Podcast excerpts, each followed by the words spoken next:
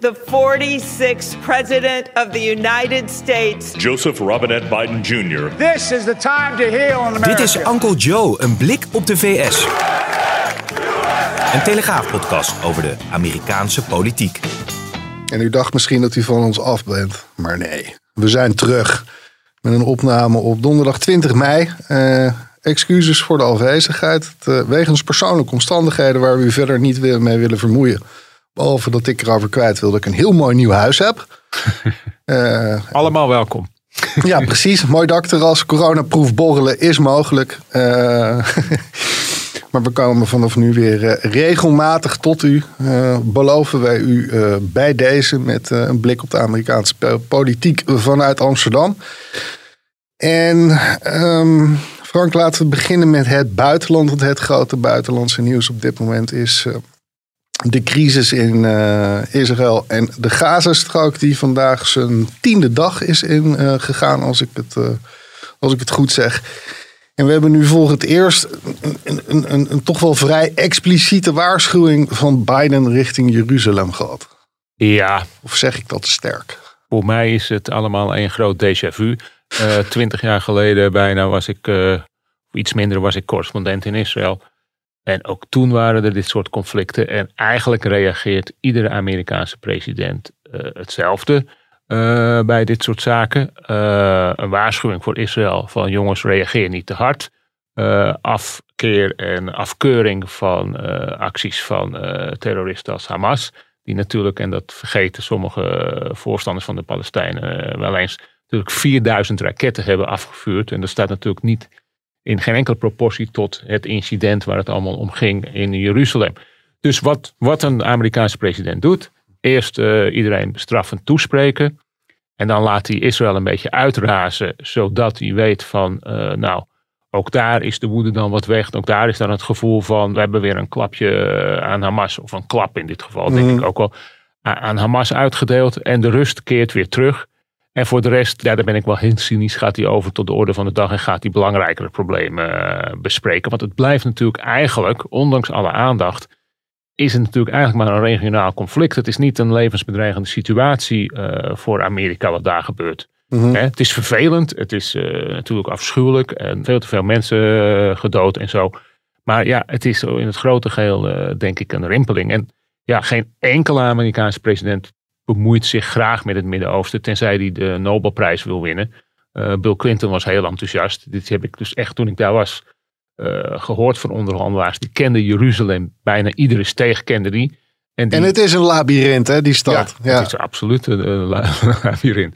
En ja, dat was gewoon, uh, God, toen dacht hij van, nou, daar win ik de Nobelprijs mee. Of hij was oprecht, dat kan natuurlijk ook. En Dat we niet al te cynisch zijn. En Trump heeft het natuurlijk met zijn eigen initiatieven, bij die de Palestijnen eigenlijk compleet negeerde. En, Wat eh, had die zo'n. Kijk, ik denk dat je gelijk hebt dat dit inderdaad pro forma is zoals dat dan nu gebeurt. Maar zo'n zo'n waarschuwing van ga toch bewegen richting een staakt het vuren, zoals Biden Tuurlijk. het een beetje formuleerde. Hadden we dat van Trump gehoord, denk je? Nou, dat is de vraag. En ik heb hem in mijn column een- een keer eh, in de krant een keer omgekeerd. Van was het, had Hamas het gedurfd om zoveel raketten af te vuren onder Trump? Omdat ze Mhm. niet zeker zouden weten dat die tegen Israël zou zeggen van jongens, doe even rustig aan. Mhm. Hè, misschien had eh, Trump wel eh, in eigen stijl gezegd, nou gooi de lui maar de zee in. Ja. Maar ja, dat, dat, dat weet ik niet. Maar, eh, en we moeten Trump natuurlijk ook niet hier als een, eh, als een cowboy neerzetten. Want hij zegt terecht, ja, ik ben wel een van de weinige presidenten. Hij zegt de enige, dat klopt niet, maar een van de weinige presidenten die geen naoorlogspresident, die geen oorlog is begonnen. Nee. Dus wat dat betreft, eh, Nou, misschien ook om nog maar eens een omkering te doen. Wat mij opviel was dat bijvoorbeeld de veroordelingen vanuit de Arabische wereld en met name dat deel eh, dat eh, de banden met Israël heeft aangehaald onder aansporing, leiding van Trump in de afgelopen paar jaar, ontzettend mild waren. Ja, want eh, er, is één, er spelen een aantal dingen. Die zijn al jaren zat dat het maar niet opschiet met die Palestijnen. En ja, die solidariteit is eigenlijk nooit zo heel bijzonder groot geweest. Ik bedoel natuurlijk wel eh, in, in het verleden met de Zesdaagse Oorlog en zo. Maar daarna, ja, vergeet niet, die Palestijnen zijn bijvoorbeeld in Jordanië, zitten, zitten er ook miljoenen Palestijnen waar hè, hoewel de koningin uh, een Palestijnse is, die ook niet altijd al, al te geliefd zijn en uh, voor ons te kunnen zorgen. Dus ja, die landen die willen ook verder en rust hebben. Ja. En ja, hebben zakelijke belangen zien ook dat Israël natuurlijk uh, economisch gezien een succesverhaal is. Waar ze misschien bij zouden willen aansluiten. Dus het was min of meer, meer te verwachten. En wat op de achtergrond speelt is natuurlijk... Hamas wordt natuurlijk gesteund door Iran. Mm En Iran die raketten waren in ieder geval uh, gebaseerd op Iraanse ontwerpen, om er iets te noemen. Ja, en ja, ze krijgen op allerlei andere manieren, net als Hezbollah steun. Het is natuurlijk wat ingewikkelder, omdat de Gaza in principe een afgesloten gebied is. Maar... Uh, en Hamas als, is als, Soenitisch, als ik me niet vergis. Wat zeg je? En Hamas is Soenitisch, als ik ja. me niet vergis. Hezbollah is inderdaad uh, Shiïtisch. Ja, maar het zijn natuurlijk aardsvijanden, Israël. En, en, Dan is het gewoon de vijand van mijn vijand, ja. is mijn vriend. Ja. ja. Uh, zoals al in alles in de Amerikaanse politiek uh, uh, leidt dat dan toch weer tot, tot gepolariseerde standpunten. vanuit Republikeins hoek hoor je nu de kritiek. Biden doet dit alleen maar omdat de extreem linkse vleugel van de Democratische Partij hem dit opdraagt. dan hoor je meteen alweer de squad. de, terwijl het toch op dit moment senator Bernie Sanders is, die een, een wet heeft voorgesteld om een wapenverkoop van de VS aan Israël te blokkeren. En Sanders is van moeders en vaderszijde een Jood. Maar ook links natuurlijk. Ja, precies. De maar oerlinkse Amerikaan. Bijna. Dat hele idee dat, dat, dat Amerika pro-Israël moet zijn. Uh, en dat politici dat standpunt innemen om, om de Joodse kiezer te paaien. Gaat dat tegenwoordig überhaupt nog op? Ik, ik zie juist, als ik een beetje mijn Twitterfeed in de gaten hou. Dat, dat er veel Amerikaanse Joden zijn die, die helemaal niet meer zo zionistisch zijn als, als nou ja, in ieder geval de gemiddelde Republikeinse uh, politicus. Ja, moeilijk te zeggen. Ik denk dat er toch nog steeds wel een heel groot deel uh, zo denkt. Als echt het bestaansrecht van Israël in gevaar zou komen. Maar dat is hier natuurlijk helemaal niet uh, nee. in vraag om een, een slechte, slecht Nederlands woord te gebruiken. maar je ziet het natuurlijk uh, wel dat, ja, dat je toch zegt, ja, toch wel redelijk buitenproportioneel geweld. Hè, als je dat zo kan zien. Hè. Je bedoelt, het zijn altijd de cijfers zijn altijd in het nadeel van de Palestijnen. Het is geloof ik nu uh, 220 dode, dode Palestijnen tegen iets van 12, uh, 12 Israëli's. Israëli's. En dan zegt Israël altijd ja, Hamas schuilt onder de burgers. Maar ja, dat is ook deels waar. Hè. In die tunnel zitten, een van die, een van die tunnelcomplexen schijnt onder een ziekenhuis gebouwd te zijn. Waar dan Hamas een hoofdkwartier zou hebben. Dat is natuurlijk heel cynisch. Mm -hmm. Maar ja, aan de andere kant, uh, het is bijna alleen maar een stad Gaza. Ja. Dus uh, je zit bijna altijd onder de, on, onder de bevolking. Het is een heel, ik, ik ben daar uh, vaak geweest toen ik, en toen was Gaza nog een stuk vrolijker dan nu. Ik ook nog, toen was Hamas er in het begin. Maar jij was er niet. voor 2007, voordat Israël zich terugtrok uit Gaza, min of meer. Nee, ik was er toen, ja, toen was ik alweer vertrokken, ja. ja. Maar was er ook nog toen Hamas nog niet aan de macht was daar. Mm -hmm. Kon je nog rustig een pilsje drinken op een terras in Gaza. En dat dat was het eerste wat verdween. Wat ons buitenlandse journalisten natuurlijk meteen opviel. Maar, maar ja, en daarna kwam er natuurlijk ook repressie en zo. Want je moet in de Gaza moet je natuurlijk niet tegen Hamas zijn. Laten we wel zijn, dat is een, is een terreurorganisatie. En uh, dat zijn geen, geen vriendelijke mensen. Dus ja, dat, dat blijft een moeilijk verhaal. Ja. Laten we hier vooral geen, geen Midden-Oosten podcast van, uh, van maken. Want dan wordt het nee, want dan moet die veel langer worden. Drie uur precies. Ja. Uh, maar laten we wel even bij de buitenlandse politiek blijven. We hebben voor het eerst gisteren, of de afgelopen dagen moet ik formeel zeggen, een, een, een officiële ontmoeting gehad tussen een lid uit de regering Biden en een uh, vooraanstaande Russische functionaris. Uh, bij een top van de landen die rond de Noordpool gelegen zijn. Ja, het is nogal wat, die, die kwamen ja. in Reykjavik bijeen de afgelopen dagen hebben Blinken, de Amerikaanse minister van Buitenlandse Zaken, en zijn Russische collega uh, Lavrov met elkaar gesproken. En je had het net over een déjà vu bij het statement van Biden.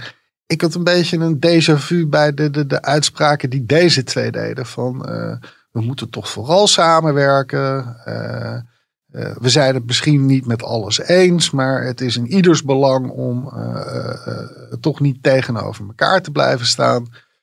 Ja, dat betekent... Terwijl toch Biden van tevoren tijdens de campagne aangaf dat hij Rusland goed zou gaan aanpakken. En ik kreeg nu ja. zo'n idee, het is gewoon weer business as usual.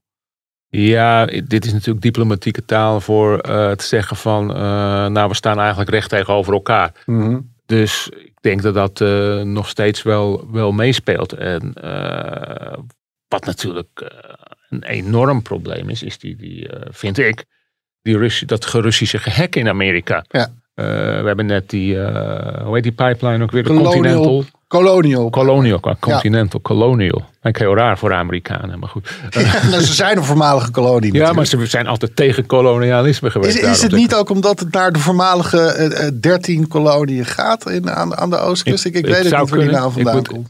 Ik, moet zeggen, ik, eh, ik weet het niet. Zoeken we uit voor de volgende Dus, eh, ja. aflevering. Eh, dat, dat was natuurlijk, eh, die werd gehackt door, eh, hoe heet die website? Dark, Dark Web? Of, nou, eh, het dark web is, is waar waar de, dat- de, die wordt- krochten van het internet, zoals het dan heet. Maar Hoe heet zij? Die, ik ben de naam van eh, Ah, de, club vergeten. Maar het was in ieder geval zo de gijzelsoftware geïnstalleerd, geïnstalleerd. Die wordt er dan pas vanaf gehaald. Als er losgeld wordt betaald, vaak in de vorm van cryptocurrency. Dat geld is nu ook betaald. 4,4 miljoen, eh, Ja, heb ik ik denk dan dat is peanuts. Als je Amerika, of in ieder geval de Amerikaanse oostkust, de Ja. brandstofvoorziening daarvan lam kan leggen. En je heft dat erop voor 4,5 miljoen. Ja, eh, het, ik, ik vond het ook eh, meevallen. Maar ja, het is ook een... Ja, ik heb het niet op de bank staan hoor. Nee, maar zij, zij, hebben het bekend, nee, zij hebben het bekend gemaakt. Dus dat wil niet zeggen dat ze misschien niet nog iets meer hebben betaald. Maar ja, Maar ja, eh, jij zit beter in die wereld. Maar ja, het wordt toch, daar wordt toch geacht dat Rusland daar meer of meer toestemming voor gaf. En we hebben natuurlijk ook die enorme Russische hack gehad in de computers van het Pentagon. Ja. Waardoor, wat ik begrepen heb, ze voor jaren niet weten wat de Russen weten van de Amerikaanse defensie. En dan denk ik, ja, dan kan je wel zeggen van we zijn het oneens. Maar ik denk dat er toch wel heel wat eh, harde noten gekraakt moeten worden. Maar, maar goed, Biden het, het, het was, waren natuurlijk eh, zeer ondiplomatieke uitspraken van Biden. Hij heeft gezegd dat, hij, dat Poetin een moordenaar was. Ja. En eh, nou ja, goed. Dat kan je denken. Hè? Daar is genoeg eh, aanleiding toegelet op de, de dissidenten die eh, vergiftigd waren. mhm. En waar hij toch waarschijnlijk wel van geweten zou hebben om het voorzichtig te zeggen. Dus maar, ja, misschien denkt Biden ook, we hebben elkaar toch wel, wel, wel nodig. ja, en ze moeten ook nog met elkaar gaan praten natuurlijk, Biden en Poetin. Ja. Dat was een van de onderwerpen ook die eh, Blinken en Lavrov met elkaar hebben besproken. Toch is er nog steeds geen eh, witte rook of die ontmoeting er daadwerkelijk gaan, gaat komen. Het is de bedoeling om dat ergens volgende maand in, in juni te gaan doen. Ja. Bij de zijlijn van de G7 of de G8 op dan, maar eh, de, de, de, de G7 plus Rusland. Ik vind dat toch wel een teken aan de wand. Dat, dat, dat, het is, ja, ik weet ook niet helemaal waar het, waar het verzet vandaan komt. eh, of, of de Amerikanen eisen stellen of het juist de Russen zijn die dat doen. Wat zou er tegen zijn om gewoon met elkaar te gaan praten? Nou, in principe is daar nooit iets tegen. Eh, ik weet eh, even een, een andere zijsprong. Toen Trump met eh, Kim Jong-un ging praten, Mhm. was de wereld te klein en democraten spraken daar schande van. Terwijl Barack Obama in een van zijn boeken zei: waarom doen we dat niet? Dan dan geef je elkaar tenminste een kans. Be- beter praten dan ook wommen naar ons hoofd gooien, simpel gezegd. Dus ja, natuurlijk moeten, moeten ze praten. En eh, ik denk ook eh, dat er wel wat gemeenschappelijke belangen liggen. Ze zijn alle twee een beetje eh, toe aan rust. En, en, en ze moeten een, hè, de coronacrisis bijvoorbeeld. Ik bedoel, maar dat is toch een wereldcrisis die je niet alleen kunt oplossen. Mhm. Dus ja, ik denk dat het er wel van gaat komen. Maar ja, wat misschien meespeelt, is dat ja, die, die rare verhouding die Trump had met, met Poetin. Dat Mhm. ze één op één gingen zitten, dat er met alleen vertalers, dat er bijna niks uitkwam. Niemand wist wat er besproken was. Misschien dat daar nog iets argwaan zit bij Biden daarom. En ja, kijk, dat ze elkaar niet mogen is duidelijk. Want Biden heeft volgens mij een keer gezegd, ik heb hem in de ogen gekeken en ik zag helemaal niets. Nee. Of ik zag alleen maar kilte of zo. Afgezien van zijn moordenaar quote. Ja. Mhm.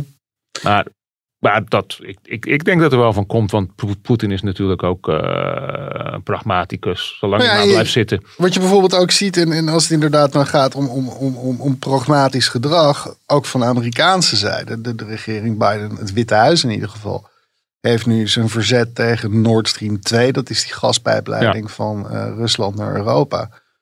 Ze hebben het verzet nog niet helemaal opgegeven, maar ze hebben wel aangegeven dat, dat, dat, dat ze geen serieuze pogingen meer gaan wagen om dat eh, te doen. Dat is, misschien hoef je het niet meteen een knieval te noemen, maar het is toch in Ja. ieder geval een concessie. Ja, en het is natuurlijk weer een, een afbraak van de plannen van Trump. Mhm. Dus misschien is dat dan ook wel weer de motivatie. En ik vond eigenlijk dat Trump wel eh, een punt had van ja, Europa, je maakt je nou niet te veel afhankelijk van Europees gas. Of sorry, van eh, Russisch, gas. Ja. En eh we hebben natuurlijk ook mee te maken dat, dat ze zelf gas willen leveren, dat vloeibare gas. Dus dat heeft er ongetwijfeld mee te maken. Maar ja, als je zegt van nou ja, het is een onbetrouwbare partner. Ja, ik zou zeggen, haal het ergens anders als dat kan. Maar goed, ik begrijp ook dat dit een. Nou ja, dit, past natuurlijk ook weer in de groene agenda van Duitsland. Omdat ze dat gas grotendeels nodig hebben om hun verdwijnende kolencentrales mee te ja, compenseren. en hun kerncentrales. Ja, Die ze moesten die ze hals over kop sloten. op, ja precies. Dus het is, het, is, het is linksom of rechtsom natuurlijk. Ja. We hebben het over Trump. Ehm, Trump blijft natuurlijk als een soort, soort, soort schaduw over de Amerikaanse politiek hangen. Onvoorstelbaar bijna. Ja, toch? Ja, een Ik- ik kan me president niet die weg. Ik kan, ja, ik kan me geen enkele president die vertrokken is herinneren die zo prominent aanwezig blijft. En vooral zijn eigen partij domineert, terwijl hij toch echt op alle punten had verloren. Ja, die, die, die trouw aan Trump eh, vanuit de Republikeinse Partij zagen we deze week ook weer terug eh, in de stemming van het Huis van Afgevaardigden over de, de 6 januari-commissie. Dat is een, een, een idee van de Democraten om te gaan onderzoeken eh, wat er nou precies is gebeurd rond die eh, bestorming van het Capitool. Ehm vanuit de Republikeinse kant en dan met name vanuit de pro-Trump-Republikeinse kant hoor je daar nogal wat verzet tegen. Ja. Het is, het is, het is niet Inquisitie, hè? precies en het, het is een politieke commissie. eh, eh, dat, dat was in ieder geval voor de meeste Republikeinen eh, in, in het Huis van Afgevaardigden reden om, om tegen die commissie te stemmen. Toch waren er nog best flink wat voorstemmen, 35. Eh, dat is ongeveer 15% van de fractie. Wat, wat ook opvallend was, is dat er meer Republikeinse stemmers voor die commissie waren. Eh, dan het aantal Republikeinen dat, dat voor impeachment stemde in het Huis Ja. van Afgevaardigden.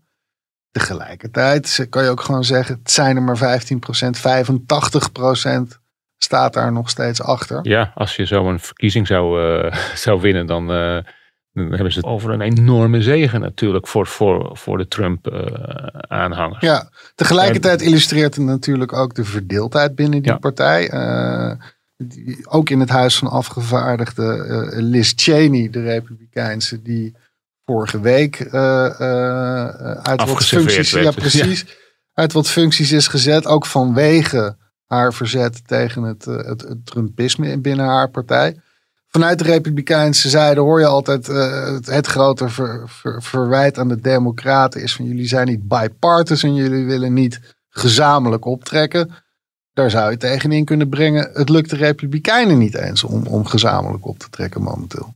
Nee, en het is natuurlijk een drama voor de partij. Ik las ergens dat de partij eigenlijk ook geen andere ideeën heeft. Die discussie gaat eigenlijk nog steeds alleen maar over, eh, over Trump en eh, wat doen we met Trump. In plaats van dat, dat ze zeggen van oké, dat hebben we gehad en we gaan nu verder.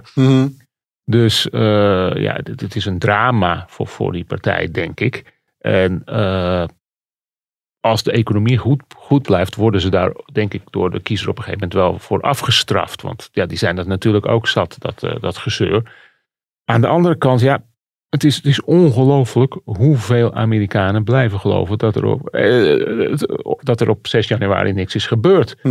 Hè, er wordt nu bijna weer voorgesteld, waar hebben wij in een eerdere uitzending wel eens over gelachen, dat het een toeristisch uitje was, omdat er één of twee mensen keurig achter het paaltje bleven staan Ja. of achter dat, eh, dat koordje bleven Binnen de wandelen. piketpaaltjes bleven, ja. Maar er zijn toch ook mensen die met stormhamers dat gebouw hebben bestormd en het was echt Er zijn doden gevallen, laten we dat we vooral dat niet ook- vergeten. Er, nee. er is geschoten in de Ja. Senaat. Precies. En er was mogelijk een, er had mogelijk zelfs een lynchpartij kunnen plaatsvinden. Als je dat, dus als die beelden die, dan, die toen openbaar werden, als je dat zag, dat was het toch nog erger dan wat wij van de, van de televisie hadden meegekregen. Mhm. Dus ja, dat mensen, dat, dat republikeinen dat nog steeds proberen goed te praten is. Maar is dat niet simpelweg omdat het hun eigen kiezers zijn die daar rondliepen? Want ja, eh, haal, haal Maar, maar weer ja. eens terug in herinnering de beelden van die dag. Het was één groot Trumpfeest. Ja. Trumpetjes, Trumpvlaggen, eh Trumpjassen, noem het allemaal maar op. En, nee, en- dat, dat zie jij verkeerd. Het waren vermomde Black Lives Matters aanhangers. ja, en Antifa, Volgens- vergeet die vooral ook niet inderdaad. Volgens de Trump eh, supporters. Mhm. Nee, en daar zullen de Trump aanhangers wel weer heel boos over ons worden. Dat wij zo cynisch over zijn. Maar er is inderdaad geen twijfel mogelijk. Dat het was, blijkt ook nu gewoon uit de juridische. Er lopen allerlei strafrechtelijke onderzoeken. Het zijn echt geen antifa-hangers. Het Nee. zijn echt niet Black Lives Matters eh, activisten die Nee. een wit masker hebben. Een, sorry, een blank masker hebben. Ja, maar ja, de waarheid doet er niet meer toe, kennelijk. Ik bedoel, eh, datzelfde gold voor de verkiezingsuitslag. Ik bedoel, hoeveel rechters en, en, en hebben zich daar niet over uitgesproken en onderzoeken zijn er geweest. Waarbij werd gezegd van ja jongens, er is niks aan de hand. Ja, Trump, je hebt de meeste stemmen ooit eh, gewonnen van een, eh, van, van een republikein. Maar Biden had er meer. Ja. ja. En als je dat niet wil geloven, wat geloof je dan nog wel? En dat is natuurlijk een enorme uitholling van de democratie. En ja, ik blijf er, eh, het is een beetje een stokpaardje. Het is gewoon, dat, is, dat is gewoon levensgevaarlijk. Mhm. Want die hertellingen blijven ook maar doorgaan. Ja. Dat, dat je zou zeggen, we zijn nu in mei. De verkiezingen waren eh, een half jaar geleden. Eh, wat ik er ook In heel- Arizona zijn ze weer aan het Ja, in, in, in Maricopa County, dat is de, de, de, het grootste kiesdistrict daar in Arizona. En eh, daar is men gewoon weer aan het tellen, inderdaad. Maar ja, ze hebben miljoenen stemmen nodig. Die halen ze nooit. Nee. Zelfs als er hier en daar wat foutjes zijn gepleegd, of dat tot nu toe gebleken is, waren het allemaal, ja, was het allemaal peanuts. Mhm. Dus ja. En de, de, de, de, het meest hilarische was nog dat er een hertelling was en toen bleek dat eh, Biden meer stemmen erbij kreeg. Mhm. Dus ja, jongens, ik zou zeggen, eh, besteed je energie ergens anders aan. Maar Maar jij zegt het al, dit is heel gevaarlijk. Wat hier in principe gebeurt, is dat het er niet meer om gaat wat de feiten zijn, maar wat de kiezer denkt dat de, fei- wat de, kiezer denkt dat de Ja. feiten zijn. Dus de- de- niet de werkelijkheid, maar de realiteit van de kiezer. In jouw specifieke doelgroep, dat is wat telt. Ja. Maar dan komt het toch nooit meer goed in Amerika, zou je zeggen. de Feyenoord en Ajax. eh, en dan eh, nog een graadje erger, denk ik. Ja. Ja, eh, het, het is de, de tijd heelt alle wonden, zeg je. Het duurt wel erg lang op dit moment. Ja, oké, dan pragmatisch. Volgend jaar hebben we die tussentijdse verkiezingen voor een deel van de zetels in de Senaat en het Huis van Afgevaardigden. Ehm, als je kijkt naar welk deel van de Republikeinse kiezers nog eh, gelooft inderdaad in het feit dat die verkiezingen gestolen zijn, dan is dat zo 80, 85 procent. Dat snap ik hier niet helemaal. Als je maar dit stokpaardje blijft bereiden als partij, raak je dus ook gewoon nog meer kiezers kwijt. Er waren een hoop Republikeinse kiezers die weliswaar niet voor Trump hebben gestemd in november, Mhm. maar wel gewoon eh hun eh, eh, Republikeinse senator Ja. of afgevaardigde naar Washington hebben gestuurd. Ja. Die raak je ook kwijt op deze. Is dit verstandig? Dat, dat, dat, dat, ik, ik snap niet helemaal wat De logica. de strategie is inderdaad. Wat de logica is van die, van die Republikeinse volksvertegenwoordigers om hier maar op denk- door te blijven gaan. Ik denk dat de logica van de angst is. Want wat is het alternatief? Nou ja, ze zijn toch echt bang dat eh, als ze die Trump-aanhangers niet meer weten te motiveren om te gaan stemmen, dat er dan te gewoon te weinig Republikeinen overblijven die dan wel gaan stemmen. Ja. Dus en, eh, dat ze dus dan, eh, dat dan de Democraten ermee vandoor gaan. Ik denk dat dat de enige eh, motivatie is. En of die klopt, ja, dat, hè, daar heb jij ook al je, je twijfels over. Is het dan nog gewoon niet veel verstandiger om andere doelgroepen te gaan opzoeken? Een van de, de, de, de, de, de redenen dat de jongere Bush in 2000 won, was dat hij het heel goed deed bij Latino-stemmers. Ja. Die is mede dankzij wat Trump over en zei, hij is ze, niet allemaal, ze zijn ze niet allemaal kwijtgeraakt, maar toch een deel is weer naar de Democraten overgestapt. Ja, dat zou heel verstandig zijn. Het zou ook heel verstandig zijn om, om over een heleboel andere dingen na te denken. Om niet, eh, niet meer onzinnige eh, discussies te hebben over wel of geen mondkapje en wie nu wel of niet de, het succes achter het corona heeft. Maar zeggen van nou jongens, de, de coronabestrijding hebben we toch uiteindelijk na een moeilijke start heel goed gedaan. Hè, be- beter dan, eh, dan hier of in, in Europa. Ja. Dus eh, pluk de vruchten. Je ziet ook altijd net over de economie die eh, veel, veel harder groeit daar. Dus ja, en je wilt dus van China winnen. En dat, want dat wilde Trump en dat wil Bush, of sorry, eh, Biden. Biden ook. En, want ja, je staat nog steeds één, dat wil je blijven. Ja, maar dat kan je natuurlijk niet eeuwig verdeeld zijn. Dus ja, er moet op een gegeven moment eh, een punt achter gezet worden. En dan zeggen van, nou jongens, we, zijn weer dat innovatieve land en uh, the land of the free. Maar je weliswaar alles mag zeggen, maar doe een beetje verstandig. Dus ja, Hey, ik ben, ik ben wel een beetje somber gesteld. Ja? Ja, ja ik, vind dit, ik ben natuurlijk gewoon. Het heeft mij ook. Ik zag het wel deels aankomen, maar dat het zo extreem zou worden, heb, heb ik nooit eh, kunnen bevroeden. Het is wel grappig dat je dat zegt. Want ik, stond net voorafgaand aan de opname eh, te praten met een, een, een, een- van de presentatoren van onze eh, videoafdeling. Ik zal verder niet zeggen wie het was, want ik weet niet of u, of u wil dat, eh, dat ik hem als zodanig identificeer. Maar die, die zei een beetje hetzelfde als jij. Die, dat toen, hij, toen hij opgroeide, was inderdaad Amerika de Shining City on the Hill. En hij zegt, ze zijn er gek geworden. Ja. Ja, ik weet ook over wie je het hebt. ik denk dat die er nog radicaler in staat dan ik. Ik heb nog wel wat hoop. En kijk, het is natuurlijk heel vaak ook door die, die, die, heilige eh, freedom of speech die ze er hebben. Je kan er echt heel veel roepen voordat mensen in gaan grijpen. Hadden- dat begon eigenlijk al met de Tea Party. De, zeg maar de, de, de, ook de, de rechtse beweging die, die, die, die meer, eh, de Republikeinen meer naar de rechterkant wilden. Dat waren al redelijk extreme mensen. Maar nu, hè, dan zou je zeggen, ja, de Tea Party. Dus ze zitten lekker rustig bij een kopje thee. Ja, Vergeleken bij wat we later kregen van de aanhangers. Maar Ja. kijk, en dat er onvrede is en was, dat snap ik ook wel. Ik bedoel, ik heb laatst een verhaal geschreven over, eh, voor de website en de krant geloof ik ook, voor, eh, over de patriotic millionaires. Mhm. Het zijn miljonairs die dus eisen dat ze meer belasting betalen. Ja. Omdat ze vinden dat het land te veel verdeeld wordt. En dat de kloof tussen, groot, eh, tussen rijk en arm veel te groot wordt. En dat zie je daar gewoon. Ik bedoel, je hoeft maar door, door, door, zelfs door de staat als New York. Je rijdt Manhattan uit. En je gaat het, het prachtige platteland in. En je ziet hele dorpen van de helft is dichtgetimmerd omdat mensen hun huis hebben moeten verlaten en zo. Ja, en nog veel erger is het natuurlijk in het zuiden, waar, je, eh, waar het lijkt alsof je in de Caribbean soms rondrijdt. Zo, Mhm. Zoveel armoede. En ja, dat kan niet goed gaan. En inderdaad, eh, als je het kijkt naar die, die, die belasting die je daar betaalt. eh, Ik gaf dat toen als voorbeeld. eh Mitt Romney, de, de voormalige presidentskandidaat, eh, miljardair. Die betaalde minder, maar gezien, minder belasting dan zijn secretaresse. Ja. Omdat als je investeert, kan je het aftrekken. Dus die betaalde iets van 17%, wat ik heel lullig vond. Want mijn inkomstenbelasting was gewoon 23%. ja. China kwam net al even voorbij. En, Ja. en, en misschien moeten we daar dan even mee afsluiten. Want je- zegt dit kan nog niet goed gaan. Eh, een, een, een, een politiek instabiel land. Dat is over het algemeen ook niet goed voor de economie. Is de beste manier voor eh, Amerika om van China te winnen tussen aanhalingstekens. Om gewoon weer eh, nu te gebru- gebruik te maken van, van die post-corona eh, eh, hoos. En, en gewoon weer een, een industriële grootmacht. Ja, en daar wordt natuurlijk waanzinnig veel geld eh in gepompt door, eh, door de president. Het is, het is onvoorstelbaar, Biden. Die smijt met miljarden om maar eh, banen te creëren, om te zorgen dat de high-tech weer op het niveau komt wat het is. Want ja, kijk, het is natuurlijk eigenlijk heel raar dat Amerika gehackt kan worden. Ik bedoel, eh, ze hebben het zo'n beetje uitgevonden daar. Ja. Hè? Dus dan denk je van ja, die zouden toch een, eh, al die lui in Silicon Valley die zouden toch een leuke eh, beschermingswal kunnen opwerpen. Dus ja, het en, en dat er zoveel eh, gejat wordt van hun, van hun intellectuele eigendom, ook door China natuurlijk. Mhm. Ik heb wel eens een, verhaal gemaakt dat, waaruit, dat was een admiraal.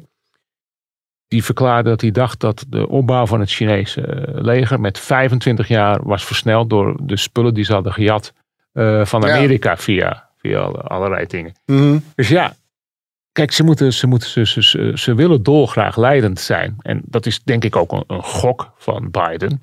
eh, Dat hij daar met zoveel geld daarin gaat. Maar het kan werken. Ja, als we misschien moeten afsluiten met, met een sprankje hoop. Als je dan kijkt waarover is er dan wel politieke eensgezindheid. Op welk punt wil McConnell dan wel mee met Ja. Biden? Dat is inderdaad bij die eh, investeringen in de infrastructuur. Dan gaat het niet alleen om eh, investeringen in, in Nee. wegen, bruggen en noem maar ook. Maar ook juist die digitale infrastructuur. Ja. Dus, dus misschien moeten we inderdaad een beetje hoop houden dat de Republikeinen. Dat er, er, er zit nog enige logica, lo- eh, vermogen tot logisch denken in. Maar dat die Trump, die schaduw moet verdwijnen. Er moet eigenlijk dus gewoon een nieuwe leider binnen die partij opstaan. Ja, maar heb je die al gezien? Nee, maar goed, dat, wordt natuurlijk een onderwerp voor de podcast eh, zo volgend jaar. Ja. Als, we, als we richting eh, de nominaties toe gaan. Ik was toch blij dat we de onderwerpen niet meer zouden hebben thuis. Maar eh, Nee, dat komt wel goed.